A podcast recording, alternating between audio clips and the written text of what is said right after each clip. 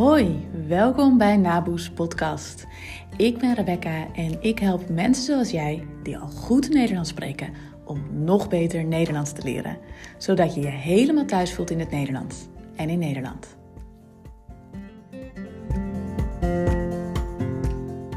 Hallo, leuk dat je weer luistert naar een nieuwe aflevering van mijn podcast blij dat je er bent. En uh, ik uh, ga over iets leuks praten vandaag met je. Of, uh, nou ja, ik weet eigenlijk niet of het per se leuk is. Maar ik vond het een leuke opmerking toen ik deze hoorde van een student. Ik denk ongeveer twee weken geleden nu. het is iemand die al heel goed Nederlands spreekt, in een Nederlandstalig bedrijf werkt, een Nederlandstalige vriend heeft. En ze had een gesprek gehad met de CEO van het bedrijf waar ze werkte. En dat was. Um, daarvoor eigenlijk altijd in het Engels geweest. Dus ze hadden wel Nederlands met elkaar gepraat eerder, maar dat was dan gewoon uh, ja, een beetje kletsen over het dagelijks leven. Maar um, ze hadden nu vlak voor uh, onze les had ze voor het eerst met die CEO ook een Nederlandse in het Nederlands en, uh, en echt een overleg gehad. Dus echt een werkoverleg. Ze waren ook niet met z'n tweeën, maar ze waren geloof ik met z'n drie of vier. Nou, het was in ieder geval uh, spannend voor haar. Ze vond het spannend. Het was iets waar ze al een tijdje tegenaan hikte. Waar ze al een tijdje uh, van vond dat ze het moest gaan doen, maar waar ze geen zin per se in had of waar ze een beetje bang voor was. Ze hikte er dus een beetje tegenaan om ook dit soort gesprekken in het Nederlands te gaan doen. Hoewel ze wel wist dat ze het kon. Hoewel ik ook wist dat ze het kon. Hoewel waarschijnlijk haar baas ook wist dat ze het kon. En uh, nou ja, toen ik hoorde dat ze het had gedaan, was ik dus ook heel trots op haar. Hartstikke goed. Alleen al het doen is gewoon fantastisch. Um, en in dit geval ging het ook gewoon heel goed. Ze had een heel uh, fijn overleg gehad. Alles kunnen zeggen wat ze had willen zeggen. Maar ze was toch niet helemaal tevreden, want ze vond dat ze klonk als een zesjarige. Of eigenlijk, ze voelde zich de hele vergadering lang een zesjarige. Dat, uh, nou ja, die opmerking, die uh, vormde de inspiratie voor deze aflevering. En allereerst natuurlijk, is het waar? Eh, mijn verhaal is wel waar, maar is het waar dat, dat je, ik maak hem even algemener, maar dat je als je in het Nederlands praat, um, misschien overkomt als een zesjarige. Want het is uh, misschien iets wat je herkent. Misschien heb je ook wel gesprekken die je soms voert in het Nederlands waarbij je denkt: Oh, ik lijk wel een kind. Oh, ze denken vast uh, dat ik dom ben of zo. Uh, allereerst, is dat waar? Ben je een zesjarige? lijk je een zesjarige? Nou ja, ik hoop dat je het antwoord zelf ook wel kunt geven, maar nee, natuurlijk niet. Dat is niet waar. Je bent volwassen.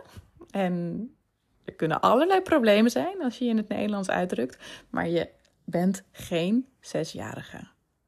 Echt niet. Je hoeft er ook niet bang voor te zijn dat iemand denkt van, poef, nou volgens mij heeft die de mentale capaciteiten van een zesjarige. Echt niet. Kunnen allerlei andere dingen spelen, maar echt dit niet, geloof me. Dat gold niet voor mijn student waar ik het net over had. En ik weet ook zeker dat dat ook niet geldt voor jou. Je bent natuurlijk geen zesjarige. Je bent gewoon net zo oud in het Nederlands als in je moedertaal, als in welke andere taal dan ook die je spreekt. Is dus niet waar. Um, helpt het ook om dit te denken als jij een uh, gesprek aan het voeren bent met, met oh, bijvoorbeeld dus de CEO of met een belangrijke klant of uh, een sollicitatiegesprek voert? Helpt het dan om te denken dat je wel een zesjarige lijkt?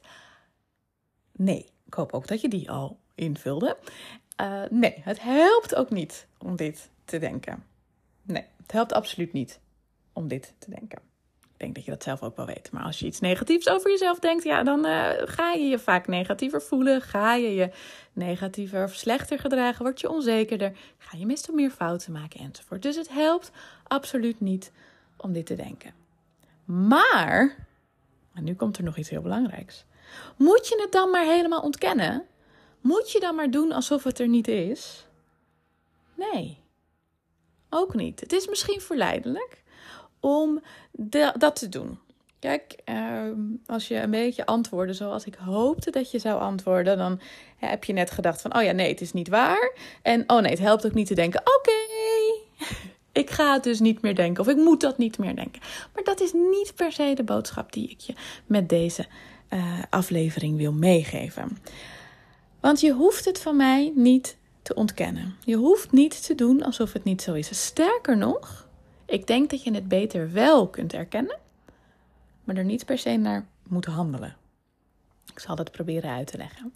Maar je hoeft dus niet te ontkennen dat je dit voelt. Zij, mijn studenten voor wie ik het had, voelde dit echt zo. Ze was ook echt wel een beetje, nou, ze was heel gemengd. Ze was uh, blij dat ze het had gedaan, maar ze had ook echt wel zoiets van, ik weet het niet hoor, of ik dit nog een keer ga doen.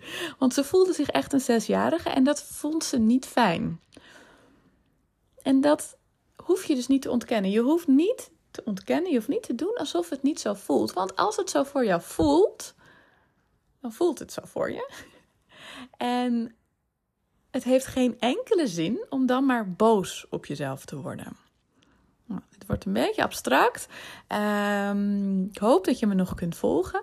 Maar ik denk dat um, als je het over dit soort dingen hebt, want het heeft natuurlijk heel erg wel met mindset te maken, een onderwerp waar ik ook veel mee doe, altijd in mijn lessen, omdat ik gewoon weet dat het heel belangrijk is. Juist ook nog op hoog niveau.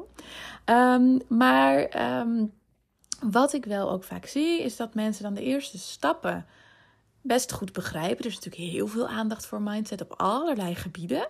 Dus dat ze weten dat het niet eh, waar hoeft te zijn, dat ze weten dat ze het niet hoeven te denken. Maar waar ik het zelf nog wel vaak een soort nou ja, mis tussen aanhalingstekens zie gaan, is dat het daar stopt. Dus dat dan mensen denken: oké, het is slecht eigenlijk. Het is slecht dat ik dit voel. Het is slecht dat ik dit denk. Het is slecht dat ik nu zenuwachtig ben. En dat is, naar mijn idee, niet waar. En ik denk eigenlijk ook dat je daarmee alles, al het goede van die eerste twee stappen, teniet doet. Dat eigenlijk al het positieve van nadenken over of het waar is, nadenken over of het helpt om het te denken. Um, als je vervolgens het slecht vindt dat je het denkt, dan is eigenlijk al het positieve effect ervan verdwenen. Je doet het ermee teniet. En dat is, mijn, ja, dat is eigenlijk wat ik je met deze aflevering duidelijk wil maken. Je hoeft het niet te ontkennen. Het mag er zijn. Je mag je een zesjarige voelen. Je bent niet slecht als dat zo is. Kijk, het is niet waar. Ik hoop dat dat duidelijk is. Het is absoluut niet waar. Maar het is, ja, dat hoort erbij dat je dat voelt. Dat kan. En misschien voel je ook wel eens een driejarige. Ja, en uh, morgen een tienjarige. Dat kan. Je, soms ben je heel erg zenuwachtig, ook al vind je dat je dat niet zou moeten zijn. Het is er. Laat het er zijn. Je hoeft er niet naar te handelen, je hoeft het niet te geloven, maar het is er. En dat is oké. Jij voelt je misschien een zesjarige als je praat in het Nederlands. Je voelt je misschien op een bepaalde manier. Dat is oké. Het is alleen niet waar. Ik hoop dat je ziet dat dat naast elkaar kan bestaan. Je kunt je zo voelen, maar je hoeft het niet te geloven. En je hoeft er ook niet naar te luisteren. En je hoeft er al helemaal niet naar te handelen. Dus het hoeft niet een invloed te hebben op wat je dan vervolgens gaat doen. En dat is ook wat ik deze studenten zei. zei ja, uh, nou ja, eigenlijk een beetje net een andere manier wat ik net heb verteld. Um, maar ik hoopte vooral, ik wilde er vooral stimuleren. En dat was uiteindelijk ook de uitkomst, dat ze dit wel blijft doen. Dat het kan dat ze zich zo voelt. Dat het helemaal niet gek is als ze zich zo voelt. Dat het niet waar is, maar dat het niet gek is. En dat ze het gewoon moet blijven doen. Ook al zegt iets in dat ze, uh, dat ze een zesjarige is. Misschien zegt de volgende keer wel iets in er dat ze een tweejarige is. Ik weet het niet. Maakt niet uit. Je gaat het toch gewoon doen. Want de enige manier, echt waar, de enige manier om hier beter in te worden. Om je niet meer als een zesjarige te voelen. Of in ieder geval je niet meer te laten belemmeren ook door de gedachte dat je je misschien als een zesjarige voelt. Is door het te gaan doen. Door het te gaan doen word je beter. En ga je je ook beter voelen. En zul je zien dat het niet waar is. Dus de eerste keren moet je het misschien zeggen tegen jezelf: het is niet waar. Geloof je het nog niet helemaal. Maar door het te gaan doen, zul je zien dat het niet waar is. En dan wordt het nog veel sterker in je. Dus samenvattend, het is een uh, wat kortere aflevering, geloof ik, dan, uh, dan normaal gesproken. Maar samenvattend, voel jij je ook soms een zesjarige als je Nederlands spreekt? Bedenk dan eventjes, is het waar? Nee. Helpt het om het te denken? Nee. Moet je het ontkennen? Nee, ook niet. Je mag je zo voelen. Je kunt je zo voelen. Het is goed. Maar het hoeft niet je te beïnvloeden. Je hoeft er niet dingen door te, voor te laten. Je kunt gewoon alles doen wat je wil doen, wat je moet doen, wat je weet dat nodig is om te doen. Ook al denk je dit. Je denkt dit gewoon en that's it. Je hoeft er niks mee te doen dat was wat ik in deze aflevering uh, tegen je wilde zeggen. Ik, uh, ik hoop dat het overkomt, want ik denk dat het je heel erg kan helpen. Deze manier van kijken naar gedachten die je over jezelf hebt. En vergeet dan dus ook echt vooral niet die laatste stap. Nou ja, in al mijn uh, lessen komt dit gewoon standaard altijd voorbij. Mindset dingen, soms expliciet, soms implicieter. En um, ja, dat is denk ik echt nou, het is niet denk ik. Dat is gewoon een belangrijk onderdeel van het leren van een taal, vind ik. Eentje die behoorlijk onderbelicht blijft in heel veel lessen. Het is toch vaak wat cognitiever, alsof het alleen maar over kennis gaat. Terwijl dat is gewoon niet waar in mijn ogen. En dat uh, uh, zie ik al tien jaar bevestigd in alle lessen die ik geef. Nou, ben je, ben je nou benieuwd naar hoe het is om les van mij te hebben? Of wil je ook specifiek aan dit soort onderwerpen of over dit soort dingen praten of uh, misschien ook samenwerken aan het verbeteren van je mindset als je Nederlands spreekt. Absoluut niet het enige wat ik doe trouwens. Ik kan ook gewoon iets uitleggen, kan je ook woorden uitleggen. Maar het is gewoon een, eh, een onderdeel ervan. Maar als je, um, als je er benieuwd naar bent, was, uh, als je denkt dat die manier van leren bij je past, weet dan dat ik vanaf september weer met heel veel leuke nieuwe groepen begin. En uh, je bent van harte welkom. Mijn belangrijkste cursus is de Conversatieclub. Een conversatiecursus van drie maanden.